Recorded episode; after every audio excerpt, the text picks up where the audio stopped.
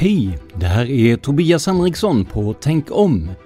Nu finns det ett nytt sätt att stötta oss direkt via Acast. Följ länken i avsnittsbeskrivningen eller gå in på supporter.acast.com tankom. Tack för ditt stöd!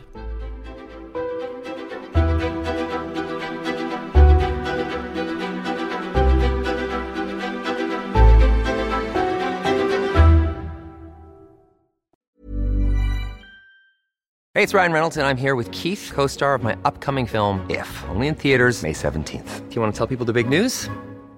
All right, I'll do it. Sign up now and you'll get unlimited for $15 a month in six months of Paramount Plus Essential Plan on us. Mintmobile.com slash switch. Upfront payment of $45 equivalent to $15 per month. Unlimited over 40 gigabytes per month. Face lower speeds. Videos at 480p. Active Mint customers by 531.24 get six months of Paramount Plus Essential Plan. Auto renews after six months. Offer ends May 31st, 2024. Separate Paramount Plus registration required. Terms and conditions apply if rated PG. Many of us have those stubborn pounds that seem impossible to lose, no matter how good we eat or how hard we work out. My solution is PlushCare.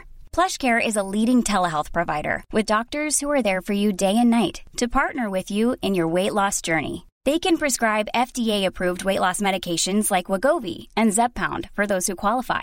Plus, they accept most insurance plans. To get started, visit plushcare.com slash weight loss. That's plushcare.com slash weight loss. This is Paige, the co-host of Giggly Squad, and I want to tell you about a company that I've been loving, Olive and June. Olive and June gives you everything that you need for a salon quality manicure in one box. And if you break it down, it really comes out to $2 a manicure, which is absolutely insane. It's also so easy to get salon worthy nails at home with Olive and June. The difference between how your nails used to look when you did them yourself and now with the Manny system is a complete game changer. The best thing about Olive and June too is it's a quick dry, dries in about one minute, lasts for five days, and full coverage in up to one to two coats. Visit oliveandjune.com slash perfect Manny 20 for 20% off your first system. That's oliveandjune.com slash perfect Manny 20 for 20% off your first system.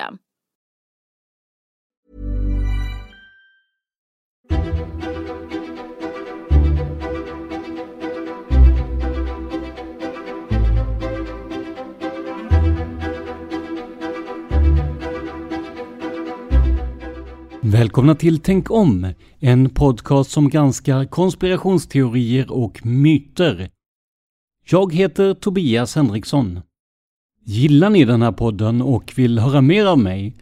Gå i så fall gärna in på patreon.com tankom och sponsra oss med en summa per avsnitt.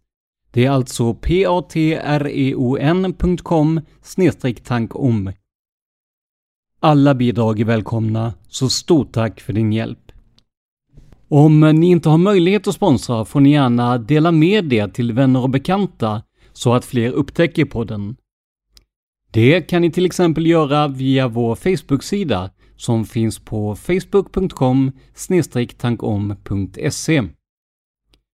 Nu sätter vi igång med dagens avsnitt.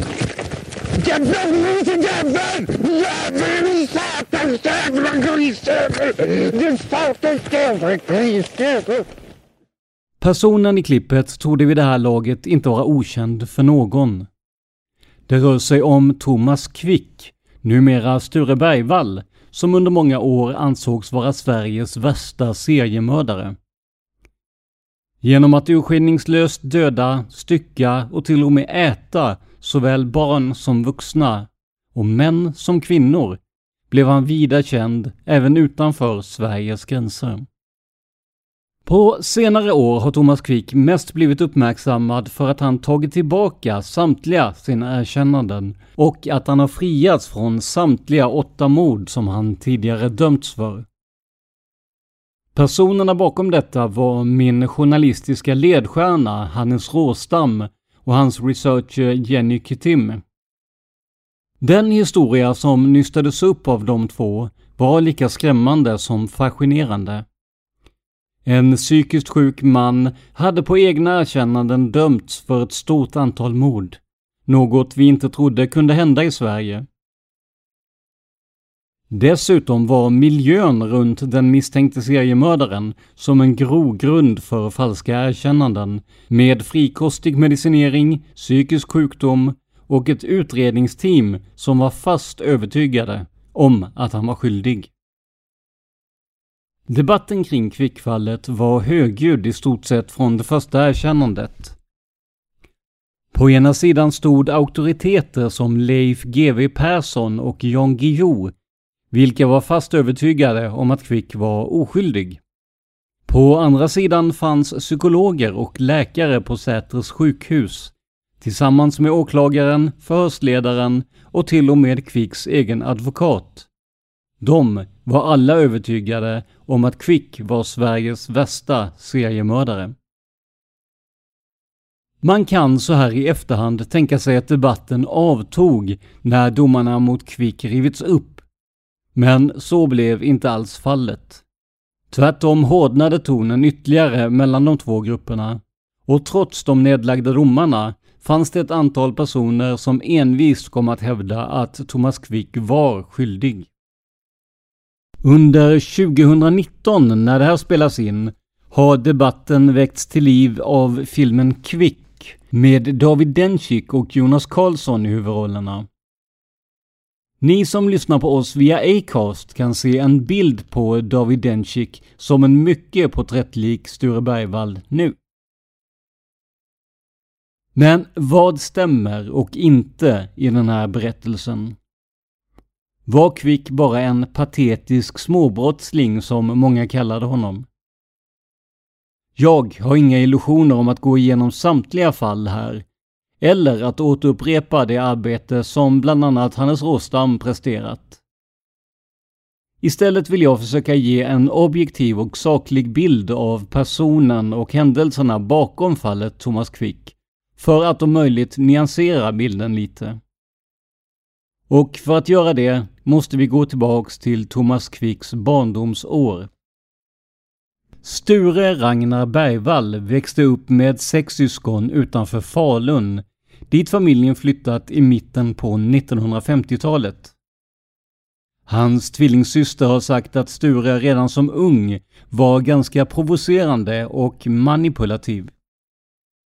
Stures bana in i missbruk och kriminalitet började redan i mitten på 1960-talet. Då kom han i kontakt med trikloretylen som han sniffade för att uppnå ett rus och slippa tänka allt för mycket på den i hans ögon ganska gråa vardag han levde i. Sture kom från ett religiöst hem och ville först satsa på att läsa till präst. Men det här förverkligades aldrig, utan han kom istället att få jobb på Falu lasarett. Men hur var då Stures ungdom? Här fick man länge olika svar beroende på vem man frågade. Under terapin på Säters sjukhus berättade Sture själv att han blivit sexuellt utnyttjad som barn. Övergreppen ska ha begåtts av hans far. Dessutom skulle modern ha varit mycket sträng. Något som kom att få stor betydelse för den senare terapin och de kommande utredningarna var något som kallades Simon-illusionen. Det går ut på att Stures höggravida mor kom in i rummet medan Stures far våldtog sin son.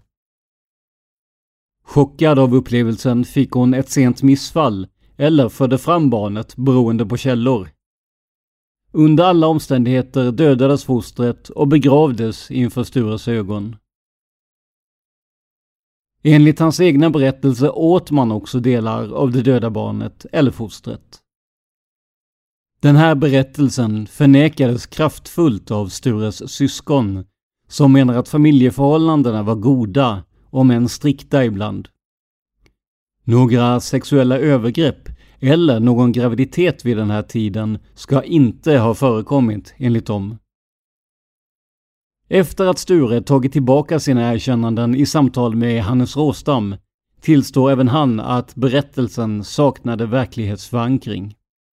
Att de sexuella övergreppen kunde vara påhittade misstänktes redan på 1980-talet. Stures terapeut på den här tiden, Birgitta Rindberg, har i polisförhör sagt att citat Detta med sexuella övergrepp från fadern är något som inte stämmer överens med det som framkom under den period som han var hennes patient." Slutcitat. Men under Rindbergs tid skulle det istället framkommit att citat Bergvall tyckte sig minnas någon form av sexuellt övergrepp från en äldre systers sida." Slutcitat.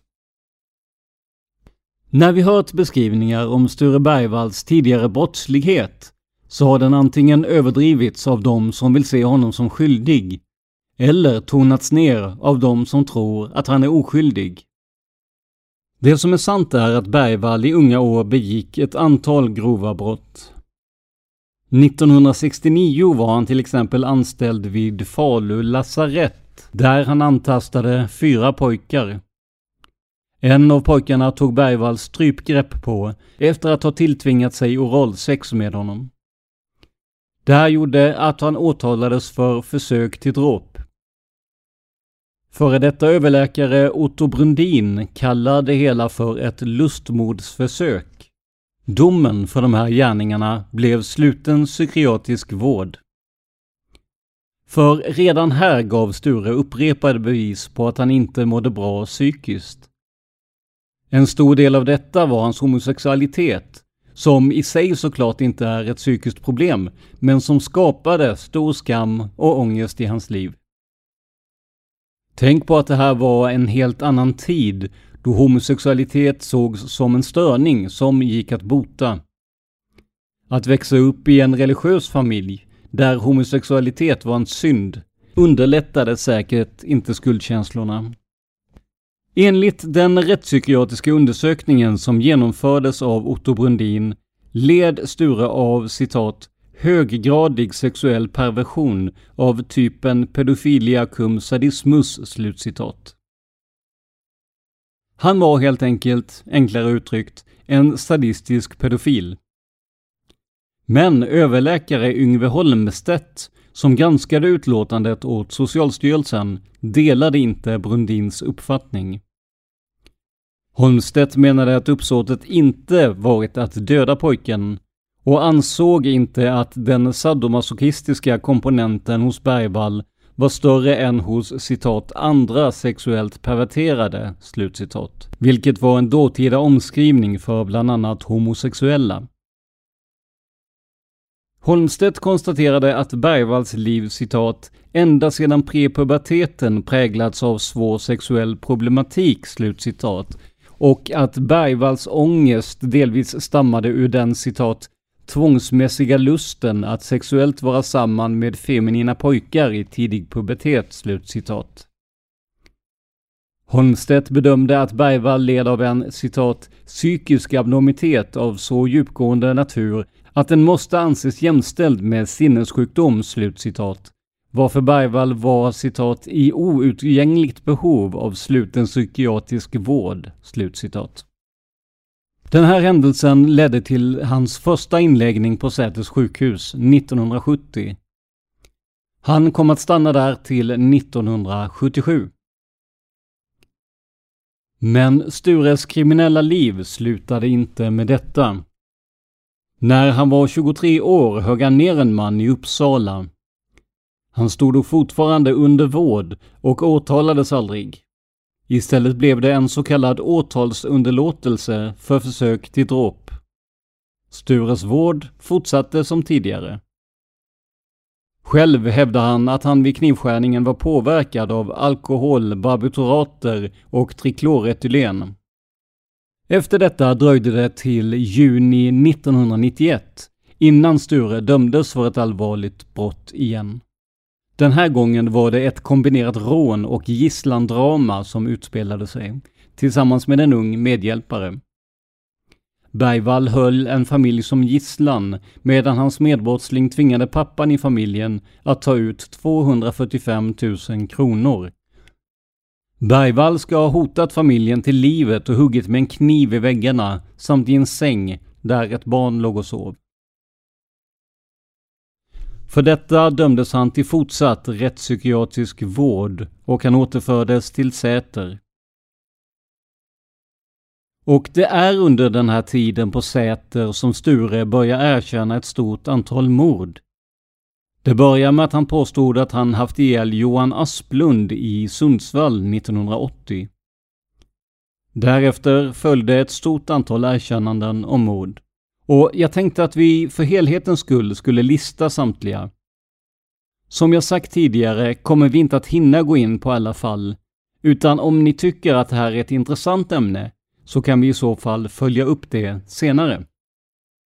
Vi har sorterat erkännandena efter den tid då de begicks eller påståtts ha begått.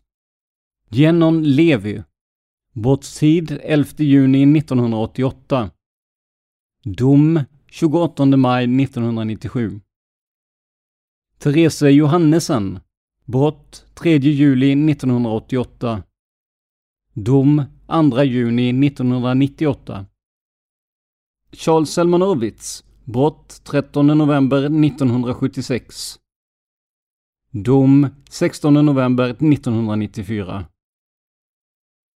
Marinus och Janis Stegerhois Brott 13 juli 1984 Dom 25 januari 1996 Trine Jensen. Brott 21 augusti 1981 Dom 22 juni år 2000 Gry Storvik Brott 25 juni 1985 Dom 22 juni år 2000 Johan Asplund Brott 7 november 1980 Dom 21 juni 2001 Det här var de brott som Sture Bergvall faktiskt dömdes för. Men det finns fler erkännanden. Dock sådana som inte gick till domstol. Thomas Blomgren 1964 Alvar Larsson 1967 Reine Svensson 1971 Benny Forsgren 1976 Marianne Rugas Knutsen 28 augusti 1981 Magnus Nork november 1981 Olle Högbom 7 september 1983 Två somaliska pojkar 1996 Örjan Selin 22 oktober 1993 Utöver det här fanns det också olika spår eller teorier som Sture, eller Thomas Quick som han nu bytt namn till, la fram. I många av de fallen hittade man inget försvinnande som skulle passa med hans uppgifter. It's that time of the year. Your vacation is coming up. You can already hear the beach waves, feel the warm breeze, relax and think about work. You really, really want it all to work out while you're away. Monday.com gives you and the team that peace of mind. When all work is on one platform and everyone's in sync, things just flow wherever you are. Tap the banner to go to Monday.com. There's never been a faster or easier way to start your weight loss journey than with PlushCare. PlushCare accepts most insurance plans and gives you online access to board-certified physicians who can prescribe FDA-approved weight loss medications like Wigovi and Zepbound for those who qualify. Take charge of your health and speak with a board-certified physician about a weight loss plan that's right for you. Get started today at plushcare.com slash weight loss. That's plushcare.com slash weight loss. plushcare.com slash weight loss. Hey, it's Ryan Reynolds, and I'm here with Keith, co star of my upcoming film, If, only in theaters, May 17th. Do you want to tell people the big news? All right, I'll do it. Sign up now and you'll get unlimited for $15 a month in six months of Paramount Plus Essential Plan on us. Mintmobile.com slash switch. Upfront payment of $45 equivalent to $15 per month. Unlimited over 40 gigabytes per month. Face lower speeds. Videos at 480p. Active Mint customers by 531.24 get six months of Paramount Plus Essential Plan. Auto renews after six months. Offer ends May 31st, 2024. Separate Paramount Plus registration required. Terms and conditions apply if rated PG. Nu börjar en märklig symbios att ta form på Säters sjukhus. För Kvick går i intensivterapi och får dessutom stora mängder narkotikaklassade läkemedel av typen bensodiazepiner. Läkemedlen, menar han själv senare, hjälpte honom att bli hämningslös och gjorde det lättare att hitta på eller erkänna brott. Vid den här tiden var dessutom seriemördare ett relativt nytt begrepp som intresserade både patienten och hans psykologer. Därför drog samtalen mer och mer åt hållet att Thomas Quick var en seriemördare och hans erkännanden uppmuntrades i terapin. Snart insåg man från Säters sjukhus att man måste blanda in polis och åklagare i och med att det fanns skäl att misstänka att Thomas Quick gjort sig skyldig till mord. Den trojka från rättsväsendet som kom att jobba med erkännandena var med få undantag densamma genom hela processen. Åklagare Christer van der Kvast och förhörsledare Seppo Pentinen blev ansvariga för utredningen och hade till sin hjälp olika utredare som följde med genom erkännandena. Thomas Quicks terapeuter, framför allt Birgitta Ståhle, sågs också ofta i de utredningar som gjordes samt på de vallningar som gruppen företog sig för att söka bevis för Thomas Quicks skuld. Alla personer som misstänks för brott har rätt till en advokat. Det gäller såklart även en missbrukande psykiskt sjuk påstådd seriemördare. En kort bit in i utredningarna om Quicks påstådda mord fick han den före detta jämställdhetsombudsmannen Claes Borgström. Och här uppstår ännu ett problem med utredningen. För tanken med att företräda som advokat är ju att denna ska kunna ta upp saker som är till sin klients fördel och som kan så tvivel om att denne är skyldig. Så blev det inte här. För i och med att alla, inklusive Thomas Quick själv, var helt inställda på att den misstänkte var skyldig, kom även Borgström att falla in i det lägret. Ska man vara cynisk kan man säga att Thomas Quick inte fick en advokat, utan ytterligare en åklagare. Den nu ständigt drogade Thomas Quick erkände fler och fler mord. Och nu började man också företa vallningar av den misstänkte. Bland annat åkte åklagare, utredare och terapeuter till Örjeskogen i Norge, där Quick påstod att han begravt nioåriga Therese Johannesen från Drammen. Nu hade ytterligare en person tillkommit i det team av utredare som skulle utreda fallen nämligen minnesexperten Sven-Åke Kristiansson. Denne var mycket intresserad av seriemördare och både han själv och Thomas Quick har berättat att de två ofta diskuterade detta ämne i samband med såväl polisförhör som vallningar. Under hela bilresan till Örjeskogen filmade man med två videokameror. En visade vägen där de körde, en visade Thomas Quick. Bilderna, som återges i dokument inifrån i Sveriges Television, visar tydligt att Quick är mycket medicinpåverkad. Han har svårt att hålla ögonen öppna, han sluddrar betänkligt när han pratar, om han ens svarar på tilltal. Och han har svårt att gå när de väl är framme, eller i alla fall på den plats som utredarna tolkat som att Quick avser. Ni som har Acast kan se en bild av Thomas Quick från de här vallningarna nu. För Quick ger ingen beskrivning om vad de ska. Bilkaravanen rullar planlöst i den riktning som Quick sagt. Men utan att den misstänkte seriemördaren ger dem några direktiv om vad de ska. Istället är det framförallt förhörsledaren Seppo Pentinen som ställer ja eller nej-frågor till Quick där svaret är ganska lätt att räkna ut. Ett exempel. Pentinen säger att Quick pekar åt höger och säger att man därför ska svänga till höger. Men pekade han verkligen? Mm, kanske. Men hans hand rörde sig ständigt framåt och bakåt, höger och vänster. Det känns som att Pentinen här vet var man ska och försöker tolka, eller övertolka, Quicks svammel och rörelser för att passa in i det tänkta händelseförloppet. Till skillnad från många andra menar inte jag att detta måste varit medvetet. Det kan mycket väl vara en undermedveten handling eller ett sätt att få Kvick att berätta. Men resultatet uteblev. Jag tror inte att det finns avsiktliga manipulationer i i alla fall den här utredningen, utan att man bara var aningslösa och kanske inte hade full koll på vad man matade Quick med i fråga om material. Samma sak var det i förhörssituationerna. Quick kom först med en ytterst vag beskrivning, utan konkreta fakta. Över tid, och med ökad medicinering och terapi, blommade historien ut så pass att man kunde knyta den till ett befintligt försvinnande. Men inte ens här gick det särskilt bra för Quick att presentera uppgifter som inte stått i tidningar eller hörts på radio. När han inte kommer fram till rätt plats eller mordvapen leds han försiktigt av Pentinen som medvetet eller omedvetet matar honom med det rätta alternativet. Ett sådant exempel gäller just ett tänkt mordvapen som ska vara en gren eller påk i trä. Quick gissar på i stort sett alla olika saker, utom just detta.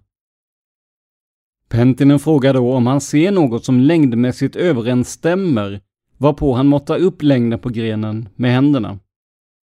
Det är då lätt för Quick att se sig omkring på platsen för rekonstruktionen och till slut hitta det som ska vara det rätta vapnet. Men tillbaka till Öjeskogen en kort stund. Vad hittade man egentligen där?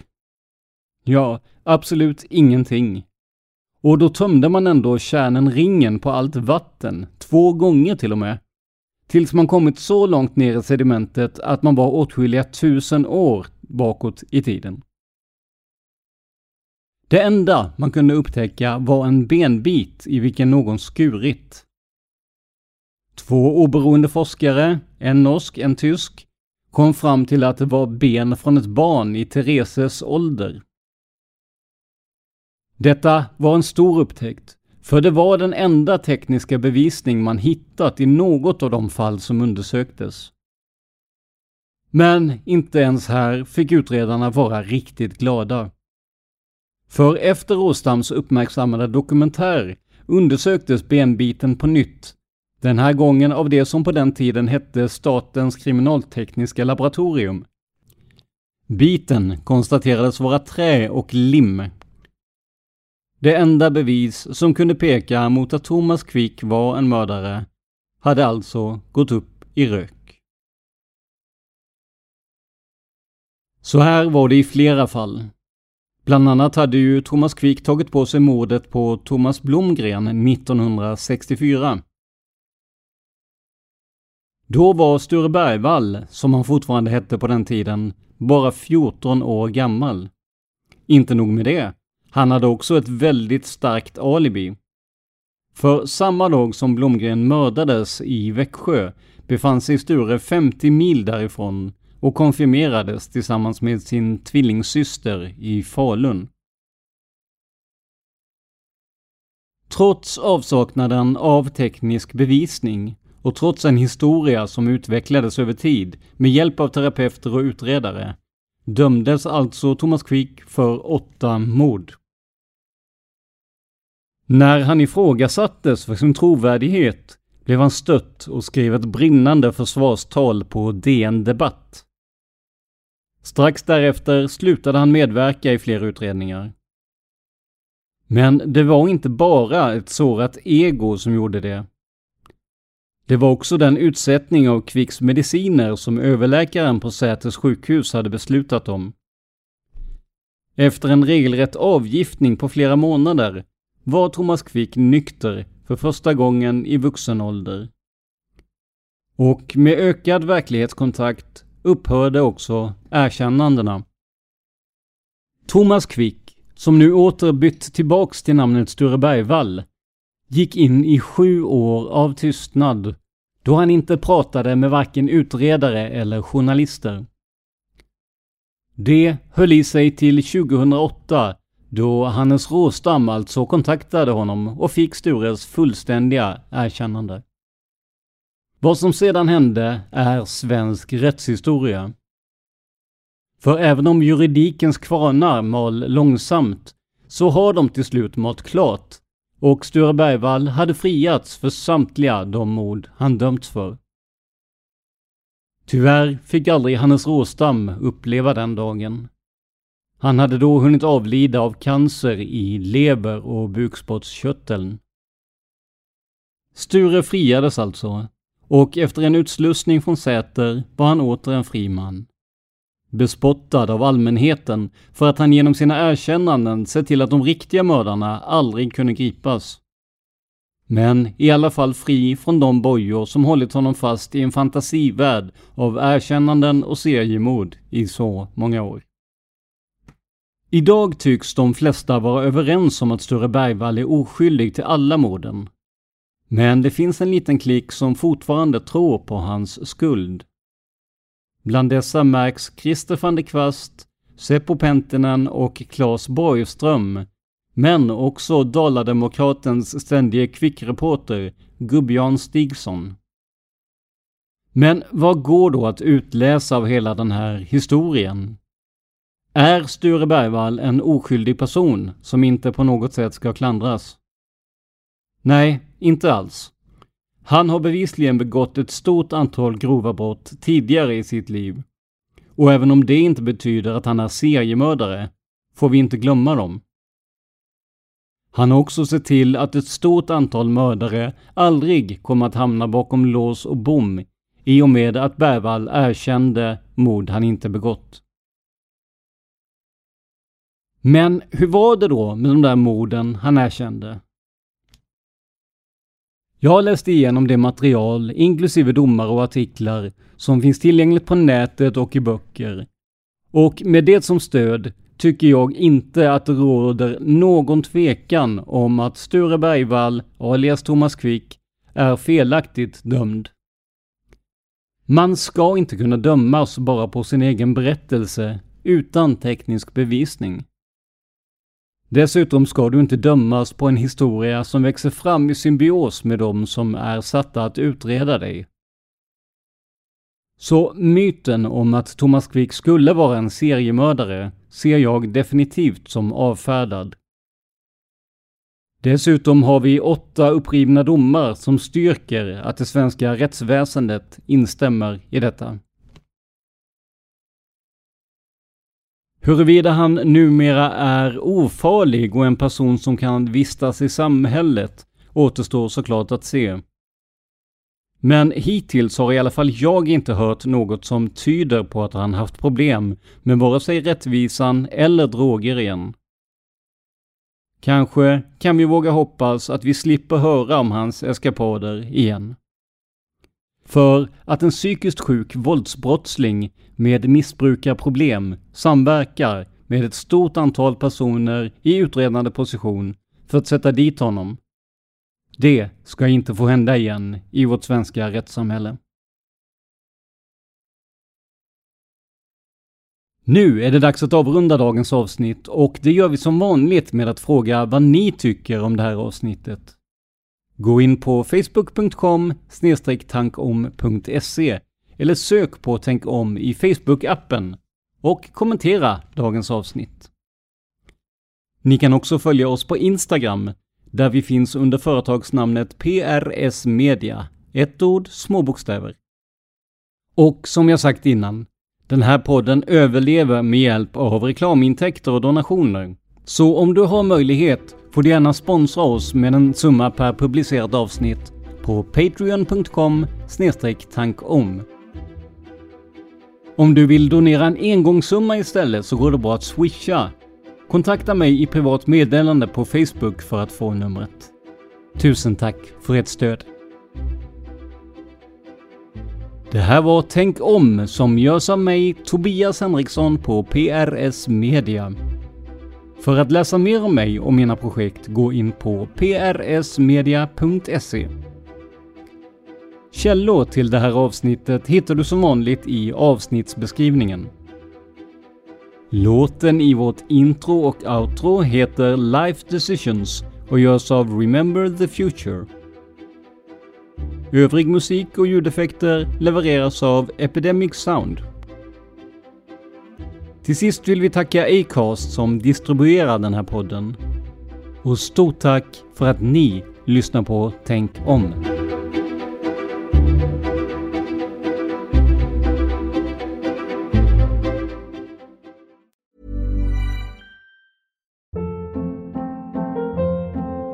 Hold up. What was that? Boring. No flavor. That was as bad as those leftovers you ate all week. Kiki Palmer here, and it's time to say hello to something fresh and guilt-free. Hello Fresh. Jazz up dinner with pecan-crusted chicken or garlic butter shrimp scampi. Now that's music to my mouth. Hello Fresh. Let's get this dinner party started. Discover all the delicious possibilities at hellofresh.com.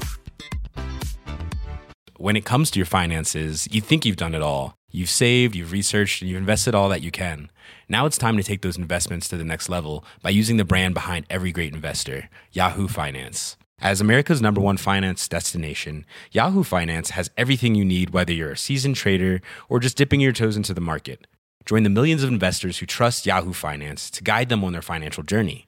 For comprehensive financial news and analysis, visit yahoofinance.com, the number one financial destination, yahoofinance.com.